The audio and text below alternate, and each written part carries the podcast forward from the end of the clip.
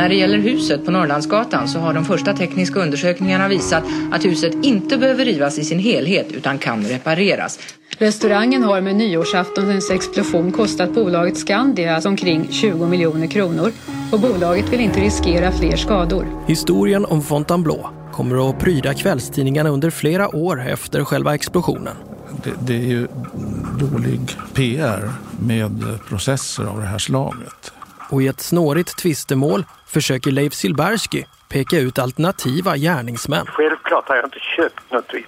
Det är ju absurt, det är fullkomligt absurt att påstå detta. Medan Skandia gör sitt bästa för att utmåla de två ägarna som försäkringsbedragare med en lång rad av försäkringsärenden bakom sig. Tidigare har Fontainebleau råkat ut för rån, inbrott och anlagd brand. Sammanlagt 76 stycken. 76? Nej, det finns inte en chans. Det tror jag inte en sekund på. Det kan inte vara möjligt. Samtidigt börjar delar av den sekretessbelagda polisutredningen läcka till Skandia. Det har jag inte någon kännedom om. Faktiskt, det måste ha hänt efter att jag rycker från åklagarmyndigheten. Vem har rätt? Ägarna? Jag upplever ju att Ekstrand och sedermera även Skandia, de tog till precis vad som helst för att försöka åstadkomma en negativ bild när det gällde oss. Eller Skandia. Skandia la ju ner väldigt mycket arbete och försökte då få dem fällda i en civilprocess. Det här är Spår med Anton Berg och Martin Jonsson. Säsong 5. Sprängningen av Fontainebleau. Historien om ett olöst brott. Och lyssnar du via Acast har du tillgång till extra material som filmer, bilder och länkar som berikar den här upplevelsen. Välkommen till den här säsongen av Spår. kunde ju aldrig tro att det skulle gå som det gick med Skandia. Och vi kunde ju aldrig ana att det skulle förstöra all annan verksamhet för oss. Som det ju gjorde, beroende på Skandias agerande. Man skulle kunna tro att historien skulle sluta här. Att den långsamt skulle glömmas bort och förvandlas till något annat. En gammal gåta utan svar. En gåta som pekar i två riktningar. Mot en enskild gärningsman eller en större komplott orkestrerad av de två ägarna. Men så blir det inte. Utan vi trodde ju ändå att det var dags att börja diskutera försäkringen. De två ägarna, Ingmar Arbro och Konrad Öberg, de vill ha ersättning för restaurangen. Och i början av 1984 kan man läsa i Expressen att Skandia vägrar. De har tagit sin hand ifrån restaurangen direkt efter explosionen. Försäkringsbolaget Skandia som har restaurang Fontainebleau försäkrad har idag meddelat att man vill säga upp försäkringen. Efter att ha suttit frihetsberövade i 57 dagar är Ingmar Arbro och Konrad Öberg släppta på fri fot. Men de är fortfarande under utredning. Vi var inte avförda från utredningen. Så tror jag man uttryckte det. Va, hur resonerar Så vi hade reseförbud till exempel. Aha. Fråntag, fråntagen pass. Och jag menar, vad som hände var ju att Skandia då förklarade att de tänkte inte betala. Och istället för en ersättning för restaurangen väntar en flera år lång kamp med en av Sveriges största försäkringsjättar mot två frisläppta ägare företrädda av en brottsmålsadvokat. Och det var ju inget lätt beslut alltså att stämma en försäkringsjätte. Men Leif Silbersky han sa att det här är inga problem. Vi stämmer dem så betalar de. de de vill inte ha något bråk om det här utan vi måste bara markera. Det är mer en formalitet. Men det var ju allt annat än en riktig bedömning för de satte ju sig på tvären så mycket de kunde. Och det kom fram påståenden om både det ena och det andra som var fullständigt förryckta. Det fanns de som kallade dem för skamliga. Och det fanns visst fog för det, kan jag meddela. Personer som Spår pratat med, med insyn i Skandias sida av civilprocessen, men som inte vill ställa upp på intervju, menar att anledningen till att Skandia inte ville betala pengar var att de ansåg att ägarna på ett eller annat sätt visste om att restaurangen skulle sprängas. Vilket tyder på att de på ett eller annat sätt var inblandade. Och under de kommande två åren ägnar Skandia betydande resurser för att försöka förstå vilka de två ägarna var och hur de har bedrivit sin verksamhet för att hitta belägg för att ägarna skulle kunna vara inblandade. Det här är en bild som också bekräftas av polisen, Haras Kopsch. Skandia la ju ner väldigt mycket arbete och, och försökte då få dem fällda i en civilprocess, skadestånd, att slippa betala ut det enorma skadeståndet. Sedan fortsätter det väl då med ständiga förvecklingar. En åklagare som jag för mig då fick jobb på försäkringsbolaget Skandia som eventuellt skulle betala ut skadestånd till nattklubbsägarna. Peter Kadhammar, då journalist vid Expressen, numera vid Aftonbladet, menar att den kommande rättegången blir en ovanligt snårig process. Redan från början har de två parterna grävt sig djupt ner i skyttegravarna. Det hela börjar med Lennart Ekstrand, mannen som kom att anhålla de två ägarna. Jag minns ju att jag tyckte det var väl anmärkningsvärt och upprörande men framförallt förvånande att det kunde vara möjligt för en åklagare att från, så vitt jag minns nu, från i stort sett en dag till en annan byta roll på det viset. Lennart Ekstrand, som varit i fokus under den intensiva mediebevakningen strax efter explosionen. Eh, att det här skulle vara en komplott anser vi helt uteslutet. Föremålen är inte av den karaktären att eh, en utomstående skulle placera ut det på det här sättet. Han har alltså börjat jobba på Skandia mitt under den pågående förundersökningen mot de två ägarna. Skandia som i sin tur vägrar att betala ut pengar till Ingmar Arbro och Konrad Öberg. Att gå från att driva den här utredningen till att gå till försäkringsbolaget som har stora summor stå på spel för det här försäkringsbolaget i det här fallet. Man kunde inte få något annat intryck än att försäkringsbolaget värvade honom just för att ta hand om det här fallet åt dem. För det gällde ju många miljoner kronor. Och Ingmar Arbro, han såg det som att det som kommer hända under tvistemålet var en personlig vendetta mellan Lennart Ekstrand och de två ägarna. Jag upplever ju att Ekstrand och sedermera även Skandia de tog till precis vad som helst för att försöka åstadkomma en negativ bild när det gällde oss. Från att ha synts i dagstidningar och kvällspress, hörts i radio och synts på tv så blir det helt tyst kring Lennart Ekstrand. I artiklar i Expressen och Dagens Nyheter skriver man om Lennart Ekstrand som om någon som bytt sida. Men inte i någon av de otaliga artiklarna som kommer att publiceras under de kommande åren så pratar man med Lennart Ekstrand om vad som hänt och varför han har bytt arbetsgivare. Nej, det enda jag tänkte i det där ledet, det var ju att eh, jag kände mig intresserad av att byta och göra någonting annat. Ett, en ny typ av arbete. Och sen, sen kunde utredningen fortsätta och mina kollegor där. För protokollet, då, vad jobbade du med på Skandia? Jag blev utredningschef för eh, brott mot Skandia. Det var inte i den här omfattningen som jag sysslade med då, utan det var bedrägerier. Ekstrand blir alltså chef för den avdelning som sysslade med försäkringsbedrägerier. I gruppen finns också före detta poliser. Men Lennart Ekstrand menar att han inte alls var inblandad i tvisten mellan Skandia och de två ägarna. Men hur, hur inblandad var du i själva Skandia-processen sen då? Jag var inte alls inblandad i den. Utan det sköttes ju av eh, advokaten Södermark med biträde av en utredare.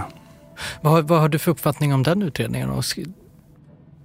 Den byggde, så vitt jag vet, till en början helt på polisutredningen. Ja, försäkringsbolaget utgick alltså från den polisutredning som Lennart Ekstrand själv alltså ledde initialt och som pekade i en tydlig riktning, mot ägarna.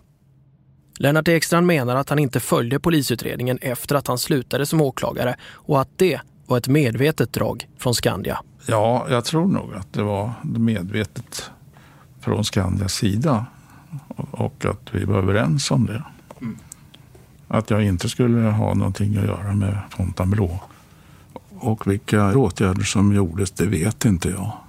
Ni måste ju ha pratat om det på jobbet på Skandia. Ja. Det var ju en stor tvist för Skandia, eller hur? Ja, det var det ju. Men eh, ja, jag, jag har inga minnen av, av diskussioner om det. Men du pratade ändå med dem på fikaraster och sådär? Det förekom, ja. Vad vill de fråga dig om då? För jag antar att de frågade dig saker. Det var um, vad som fanns i utredningen. Om det fanns några uppgifter som de hade nytta av. Och då var det inga konstigheter att prata över en kopp kaffe? Nej, det var det ju inte. Vad kunde du bistå med, minns du? Nej, Nej det kommer jag inte ihåg. Med insyn i Skandia då, hur stort var det här för dem på den tiden? Det var ju stort av olika skäl. Och ekonomiskt framför allt. Men eh, prestige och policymässigt var det väl stort också. Hur menar du då? Att man utredde att det här var en händelse som man inte var, vad ska jag säga, det, det är ju dålig PR med processer av det här slaget. För de två sidorna gällde det under rättegången att positionera sig. Följer man rättegången i media påminner det mer om en brottsmålsprocess än en civilprocess. Skandia erbjuder de två ägarna en förlikning på 6 miljoner kronor i början av 1985. Men de två ägarna vill inte ge sig. De vill fortsätta med civilprocessen. För Ingmar Arbro handlar det om att bli rentvådd, inte att få pengar. Ja, det var ju en förutsättning för att man fortsättningsvis skulle kunna ha någon eventuell plats i affärslivet. Att man inte såg som någon bedragare, massa människor hade blivit lurade på pengar. Samtidigt har de nu fått skulder till fordringsägare då deras övriga verksamhet helt avstannat. Men det intressanta var ju att alla dessa fordringsägare, de trodde på oss och väntade. Vilken som helst av dem kunde försatt vårt bolag i konkurs när som helst under den här perioden. I artiklar från Expressen och Dagens Nyheter kan man läsa att Leif Silbersky stämt Skandia på 14 miljoner. Men Skandia tänker inte betala förrän Ingmar Arbro och Konrad Öberg lyckats bevisa sin oskuld. De ansåg att vi trots frisläppandet och friandet och alltihopa så ansåg ju Skandia att de uttryckte det så att vi måste bevisa vår oskuld. En så kallad om, omvänd bevisbörda. En åklagare har ju att bevisa skuld bortom allt rimligt tvivel. Men Skandia ansåg att i det här fallet var det vi som skulle bevisa att vi var oskyldiga, annars blev det ingen ersättning. I tingsrättens dom i skiljemålet så kan man läsa att Skandia menar att de två ägarna inte agerat helt naturligt vid själva explosionen. Att de inte var skärrade nog efter att hela deras verksamhet sprängts i luften. Vilket enligt Skandia skulle peka på att de i förväg vetat vad som skulle hända. Ett vittnesmål kommer att bli extra viktigt under tingsrättsförhandlingarna. Hallå Per! Hallå, hallå! Och det kommer från en advokat, Per Stadig. Nej, men jag vittnade ju i det där målet. Jag tror jag vittnade på begäran av försäkringsbolaget. Det var väl Skandia som drev det där. Per Stadig hade kontor i centrala Stockholm. Hörde du explosionen? Ett kontor som han övernattade på. Nej, nej, nej. Nej, nej, nej, jag hörde ingenting av det.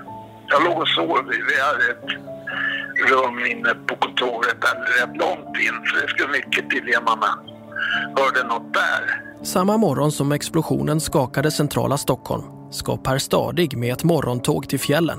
Han har bråttom. När han kliver ut från kontoret får han se en person som han känner igen. Nej, men det var ju så här att jag hade ju...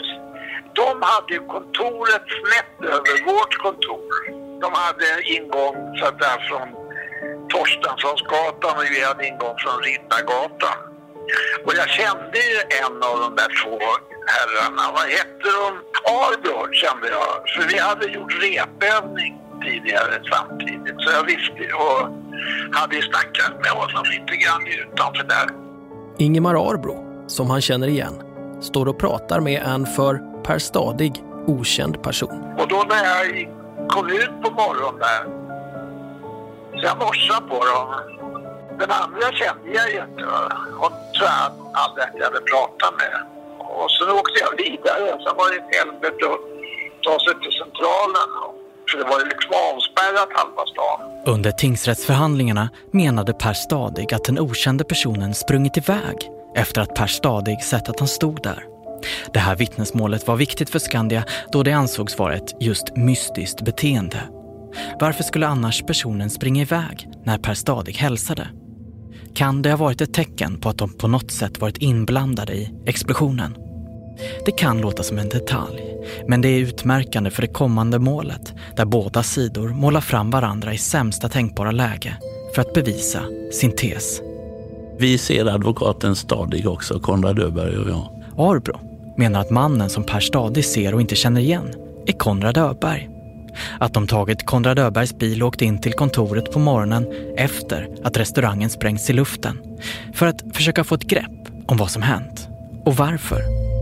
Advokaten Stadig plockades fram av Skandia och han menade att han hade sett mig på morgonen tillsammans med en annan man som inte var Konrad Öberg. För det vittnesmålet då, den som mannen som inte ska vara Konrad Öberg, han pratar med dig och sen springer han iväg då? Huvudinnehållet var ju att han såg mig med en annan man än Konrad Öberg. Och, men det där ledde till stora problem för oss för att advokaten Stadig togs ju på stort allvar av rätten i, sin, i kraft av att han var advokat. Han ansågs mer trovärdig än de flesta människor är då. De ville väl få det till någon konstighet att jag hade träffat någon som jag inte ville uppge vem det var. Jag kunde ju inte uppge någon som inte fanns. Mm. Det fanns ju ingen annan än Konrad Öberg. Det här vittnesmålet kommer få sådana proportioner att i hovrätten så beslutar man sig till slut för att återskapa hela händelseförloppet på plats utanför de två ägarnas kontor för att se vem som mindes rätt. Ingmar Arbro eller advokat Stadig. Och till slut fastslås det att den person som advokat Stadig ser faktiskt är Konrad Öberg. Och därmed avfärdar man Skandias påstående om att Ingmar Arbro betedde sig mystiskt morgonen då restaurangen sprängdes i luften. Vad däremot både tingsrätt och hovrätt är eniga om är att de två ägarna har en lång historia av försäkringsärenden. Bland annat upptäcker man att Konrad Öberg Tyvärr har vi inte några uppslag i den riktningen som kan vara några tips. Är, enligt läkarutlåtande, 50% invalid efter en hjärnskada. Nu är det ju inte första gången som den här restaurangen har varit utsatt för sabotage.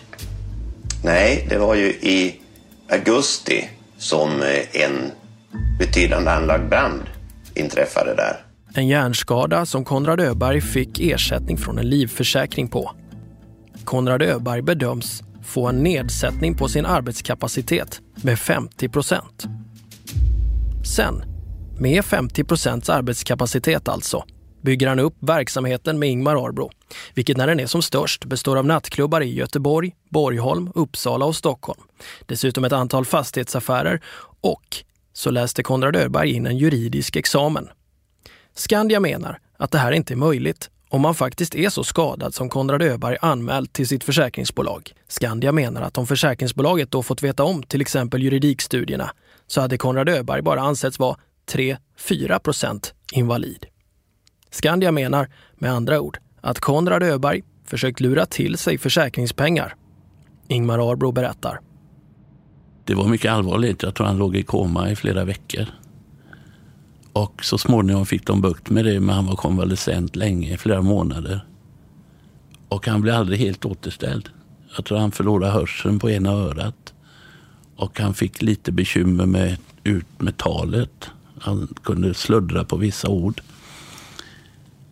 Men eh, han repade sig förhållandevis bra efter det. Men han hade ju bestående men av, av den här olyckshändelsen. Och för det fick han en jag kommer inte ihåg hur stor, men säkert en mindre, någon sån här form av eh, vad heter det, livränta. Eller, jag kommer inte ihåg vad det heter, men han fick ersättning för bestående skador. Märkvärdigare än så var inte det. Men jag vet att Skandia gjorde ett stort nummer av det och menade att det var någon form av försäkringsbedrägeri, vilket det naturligtvis inte alls var. Enligt Öberg själv kan man läsa i tingsrättsdomen så gick han ner sig i en djup depression efter hjärnskadan och att han velat läsa juridik för att utmana sig själv. Trots att läkare avrått honom. Skandia menar i tingsrättsdomen att de två ägarna och deras familjer sammanlagt var inblandade i över 70 försäkringsärenden. Totalt 76 anmälningar under de här 14 åren. Det tror jag inte en sekund på. Det kan inte vara möjligt. 76, nej. Finns inte en chans. Vi läser upp de försäkringsärenden Spår har hittat för Ingmar Arbro. Det är en brand i sommarstuga Gillberga, Högsby 75. Det är Arbros fritidshus norr om Oskarshamn brinner 76. Nej, nej, nej, stopp nu. Gillberga, Högsby och norr om Oskarshamn, det är ju samma hus. Ja, bra. Och det var inte i vår ägo när det brann. 1977 brand i sommarstuga Oseboll, Torsby. Det stämmer. 77. Stöld av spritdrycker i Fontainebleau. Söker ersättning 1978 på felaktiga uppgifter. Nej, det var riktiga uppgifter, men det är riktigt, det var en stöld.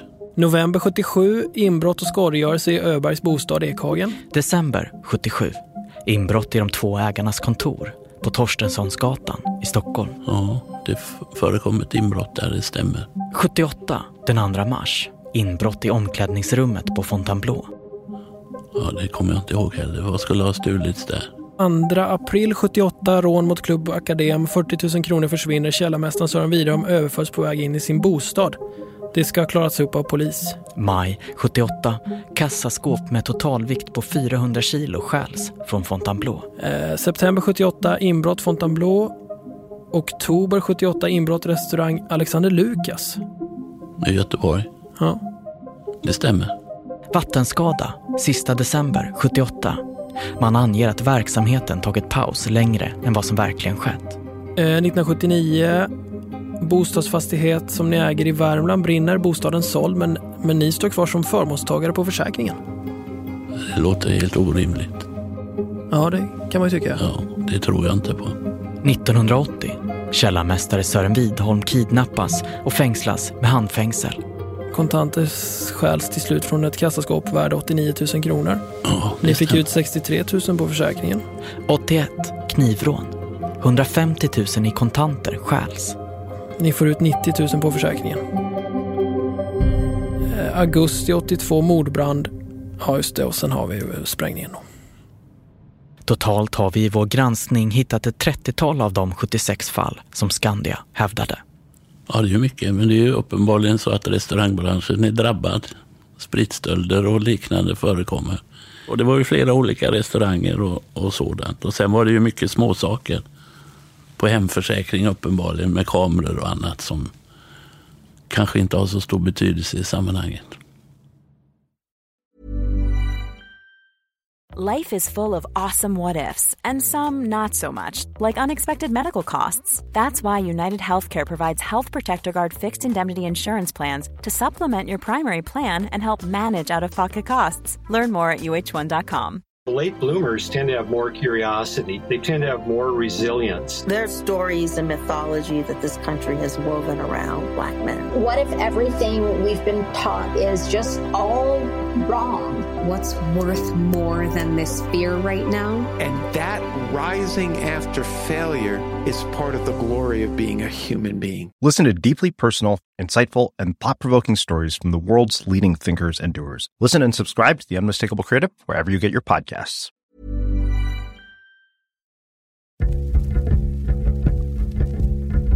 Att gräva i ett gammalt olöst fall innebär onekligen att man rör upp känslor, men även fakta. Ett fall som Fontainebleau har i vissa kretsar nästan blivit mytologiskt. Konsekvensen av det är rykten.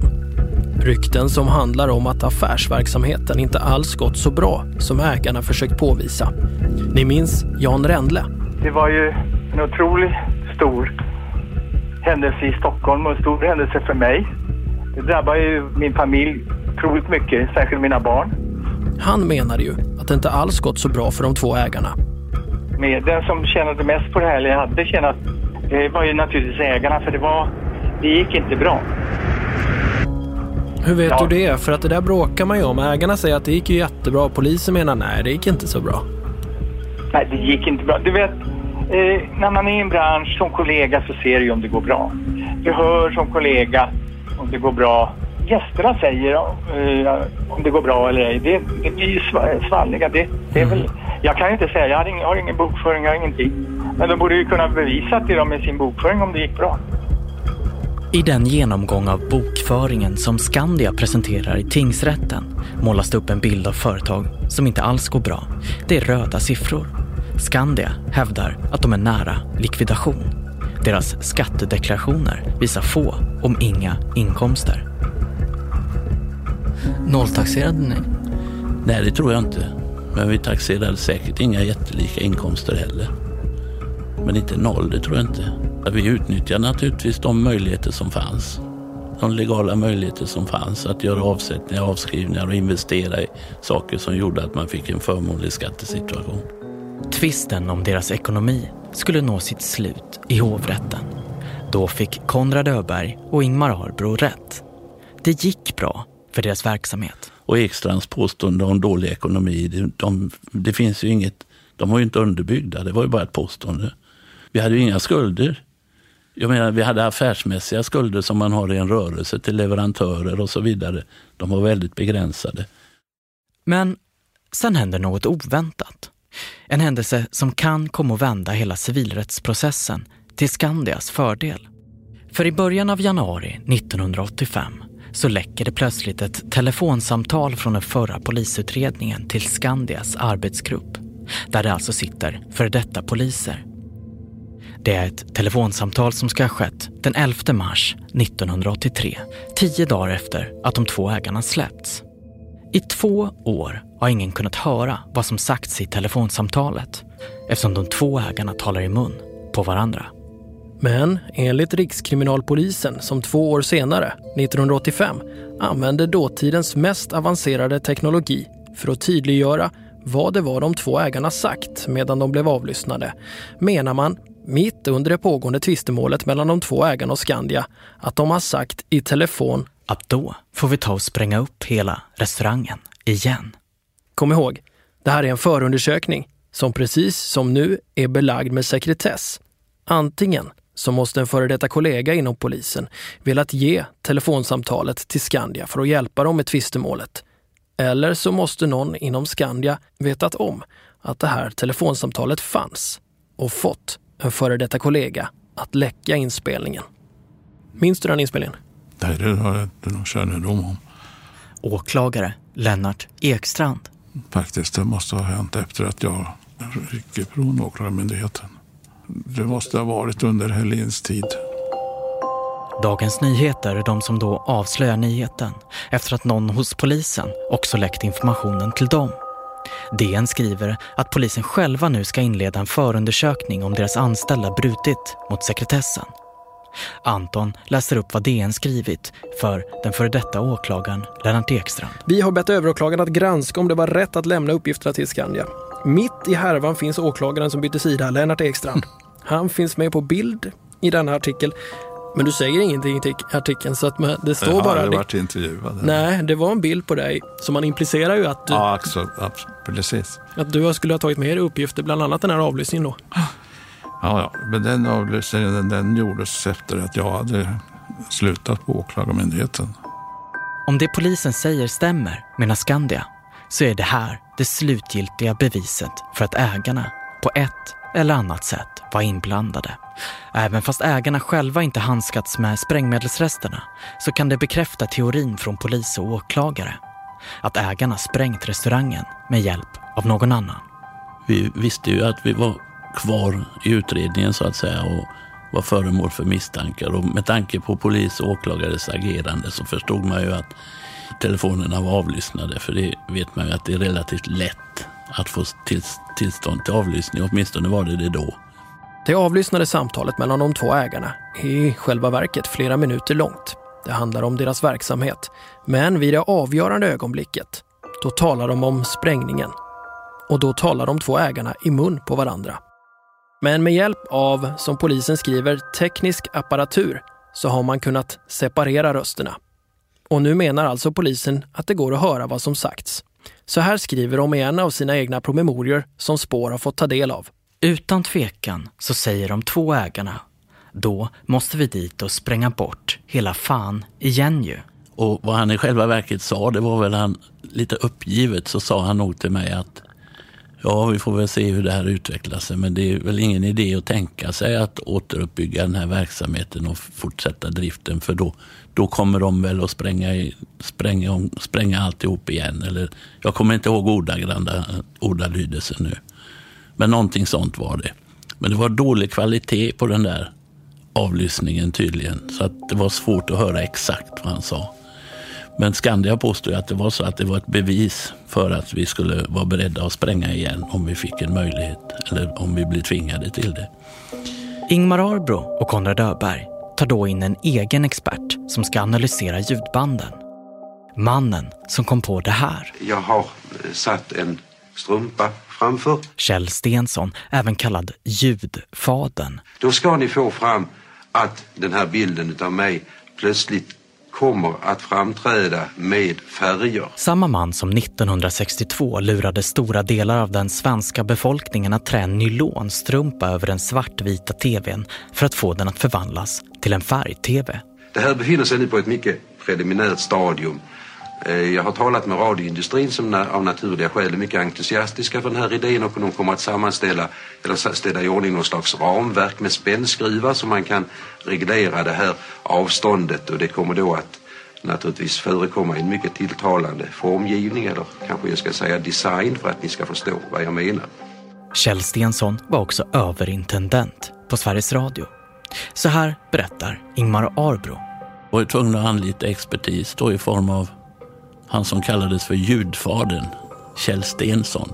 Han var väl en av Sveriges bästa eh, experter på just ljudbehandling. Och han hade ju tillgång till den modernaste utrustning som fanns då på Sveriges Radio och så vidare. Och han tog åt sig uppdraget att försöka utreda vad man verkligen kunde höra och inte höra på den här bandupptagningen. Enligt Kjell Stensson, som med hjälp av citat avancerad teknik studerat banden, slutcitat, så går det inte alls att uttyda vad som hörs. Kjell Stensson menade att det inte alls går att separera rösterna som talar i mun på varandra.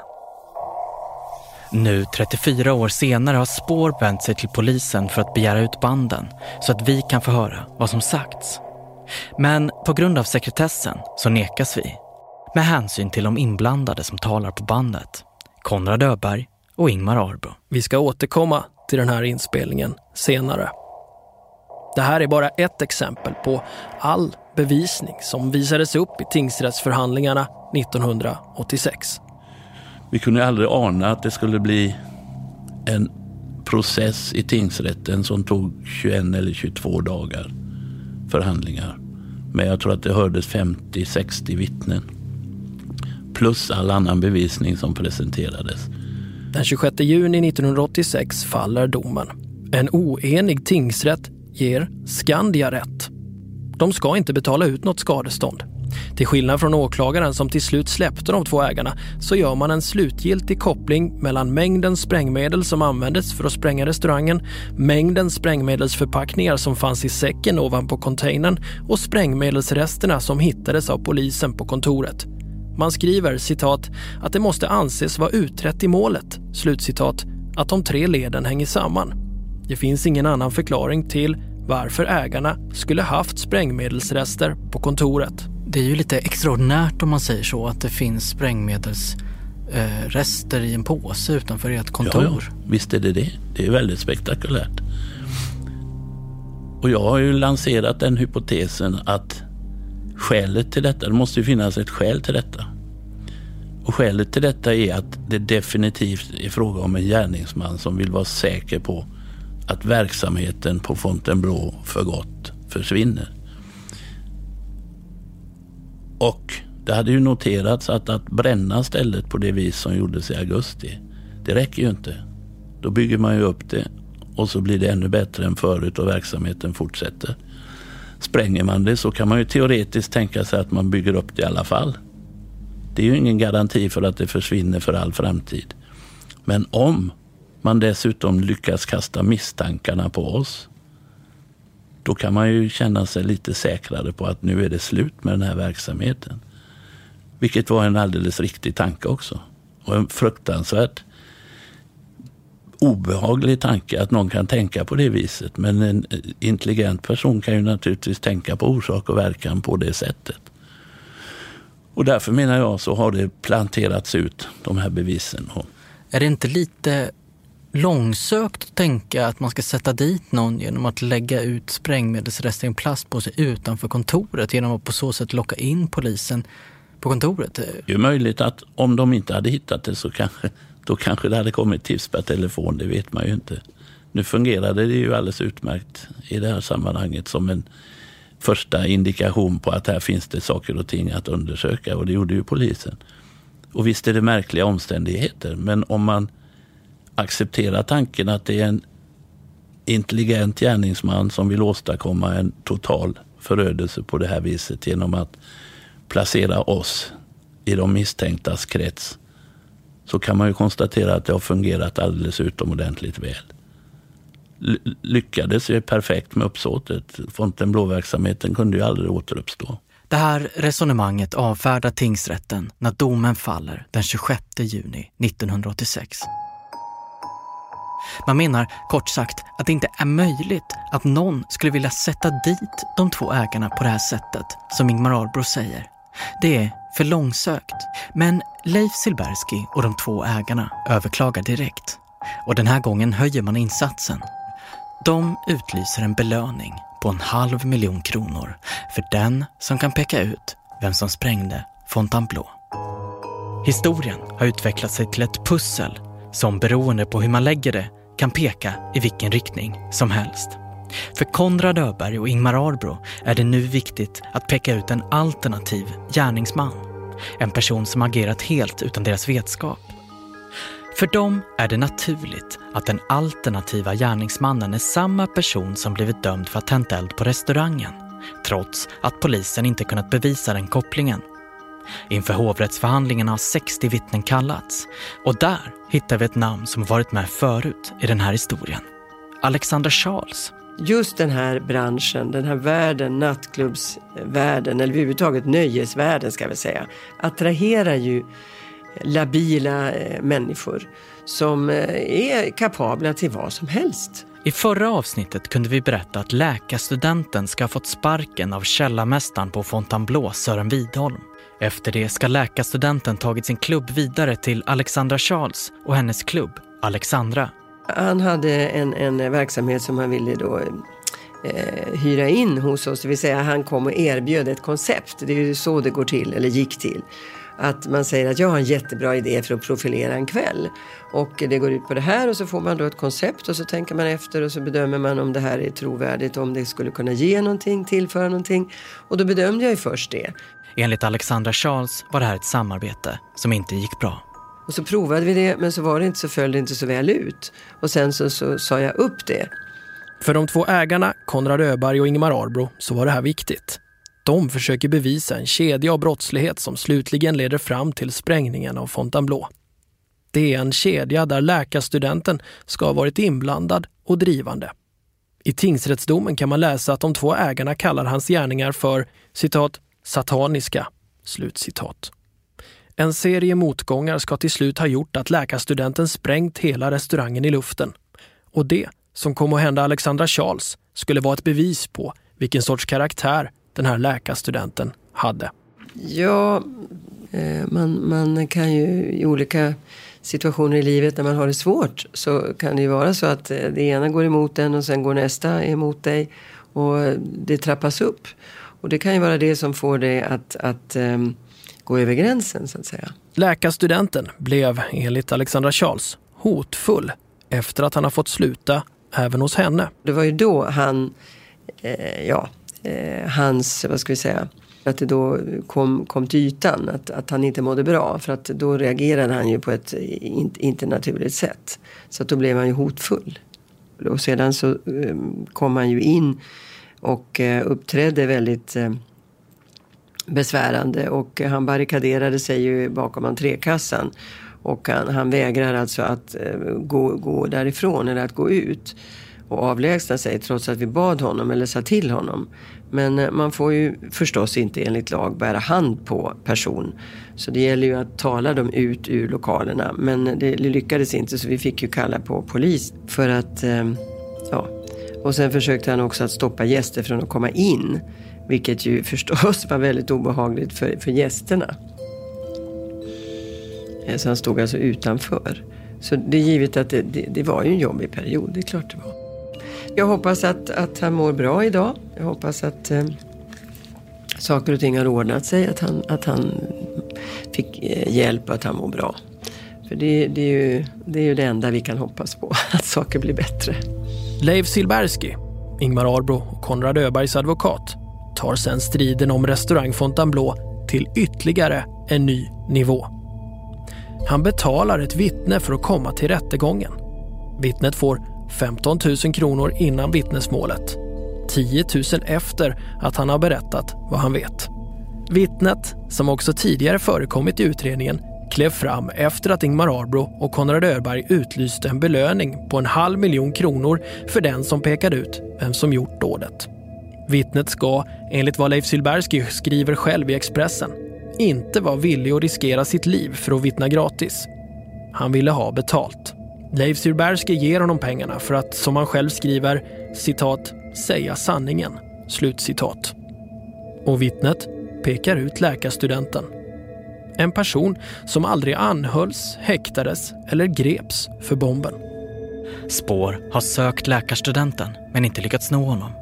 Det sista officiella spåret av honom är en flera år gammal adress utanför Sveriges gränser. Men så här minns hans försvarsadvokat Peter Altin det som skedde.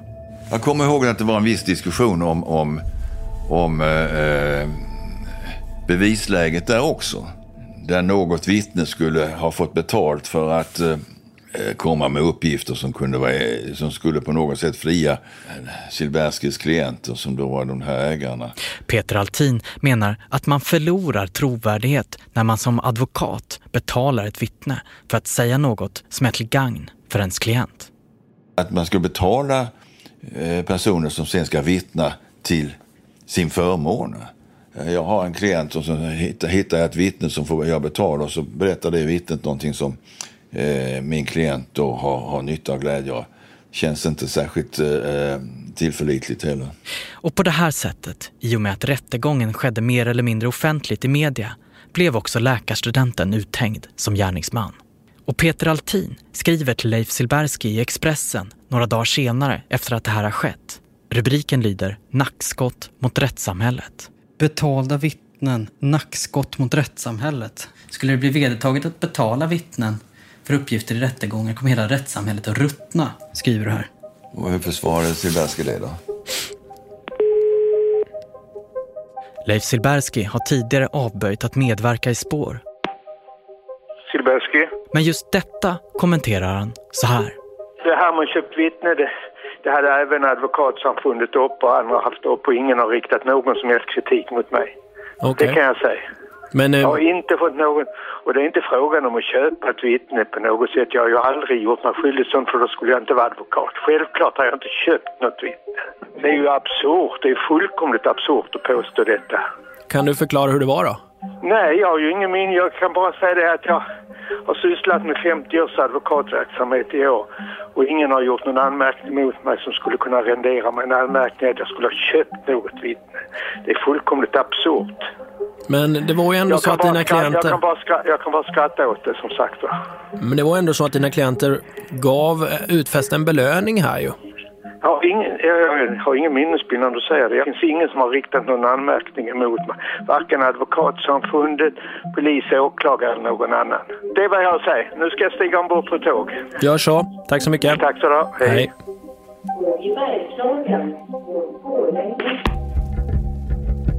Sprängningen av Fontainebleau är en 34 år gammal gåta.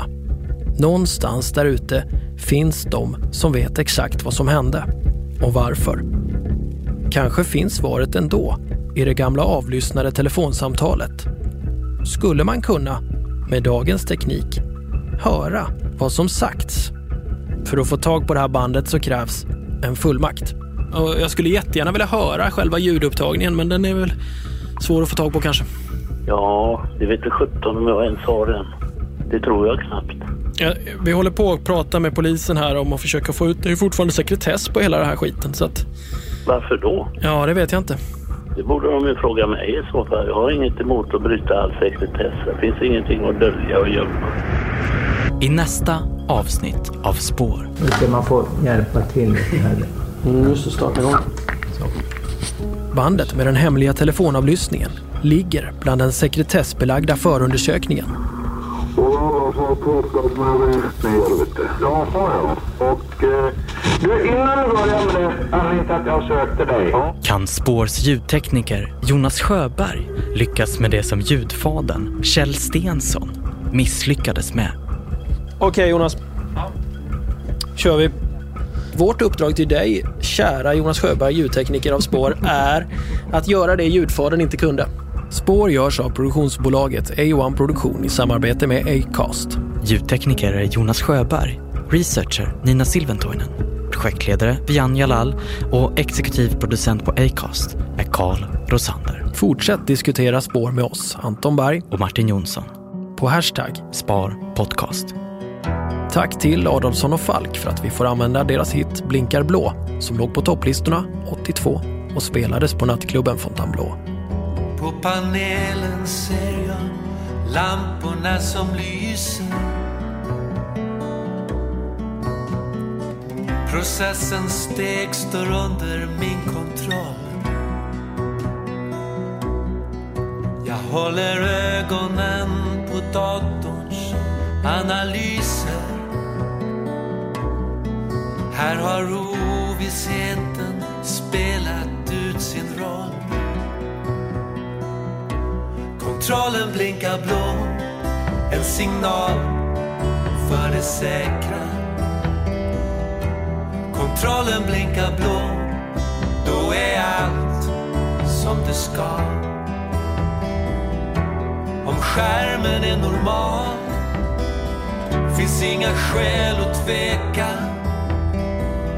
När kontrollen blinkar blå Då är allt som det ska. Men i nattens tysta timmar har jag undrat vad som händer där tekniken inte ser. Vad som döljer sig i tujaträdens skugga. Och jag känner oron växa mer och mer men kontrollen blinkar blå. En signal för det säkra. Kontrollen blinkar blå. Då är allt som det ska.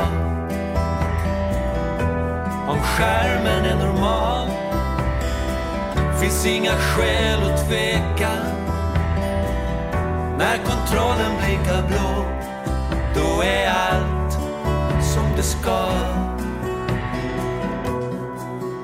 Det finns frågor datorn inte kan besvara.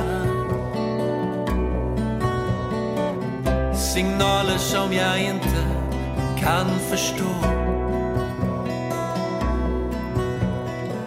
Det finns så mycket som vi inte kan förklara. Det finns krafter som vi aldrig kan rå på.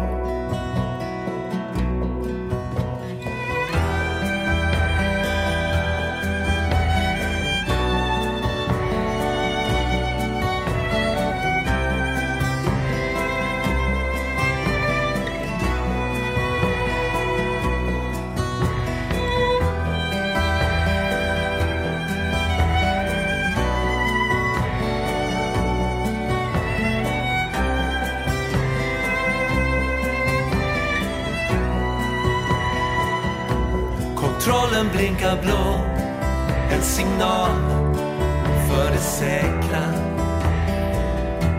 Kontrollen blinkar blå. Då är allt som det ska. Om skärmen är normal Finns inga skäl att tveka. När kontrollen blinkar blå Då är allt som det ska.